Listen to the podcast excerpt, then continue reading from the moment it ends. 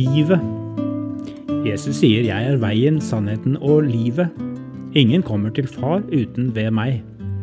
Johannes 14, 14,6. Sånn er livet, sier vi, og trekker på skuldrene når det butter imot. Det er en slags innrømmelse av vår avmakt.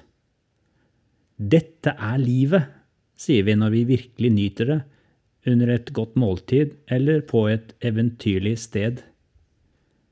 Jeg er livet, sa Jesus, og samlet alle trådene i sin egen person. Han sa det blant sine fortrolige venner kort tid før han døde, som en åpenbaring av en hemmelighet. Hadde et menneske sagt noe slik om seg selv i dag, hadde det vel blitt stilt en diagnose – virkelighetsforstyrrelse. En person med sykelig høye tanker om seg selv. Men det skurrer for når hans samtidige senere skulle fortelle om hans liv, beskriver de det mest integrerte, balanserte og gode mennesket historien noensinne har sett. Johannesevangeliet trekker frem svært kompromissløse ord av Jesus.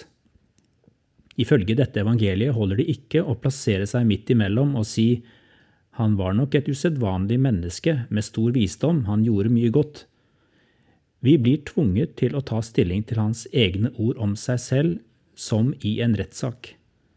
Til slutt står vi igjen med det avgjørende tegnet, den tomme graven. Hvis det er sant at han beseiret døden, da er tittelen han brukte om seg selv, mer enn en metafor. Han er livet. Tidligere i Johannesevangeliet forklarer Jesus dette nærmere til en annen fortrolig venn, Maria i Betania, som sørger over sin brors død. Jeg er oppstandelsen og livet. Den som tror på meg, skal leve om han enn dør, og hver den som lever og tror på meg, skal aldri i evighet dø. Johannes 11, 25-26. Hva er det mest sentrale budskapet i den kristne tro? Mange vil si at det er å vise godhet og bidra til at jorden blir et bedre sted. Det blir ingen kristendom uten dette. Men folk i Jesu følge har ikke monopol på godhet, heller ikke på å bekjempe urettferdighet. Ateister kan gjøre det like bra.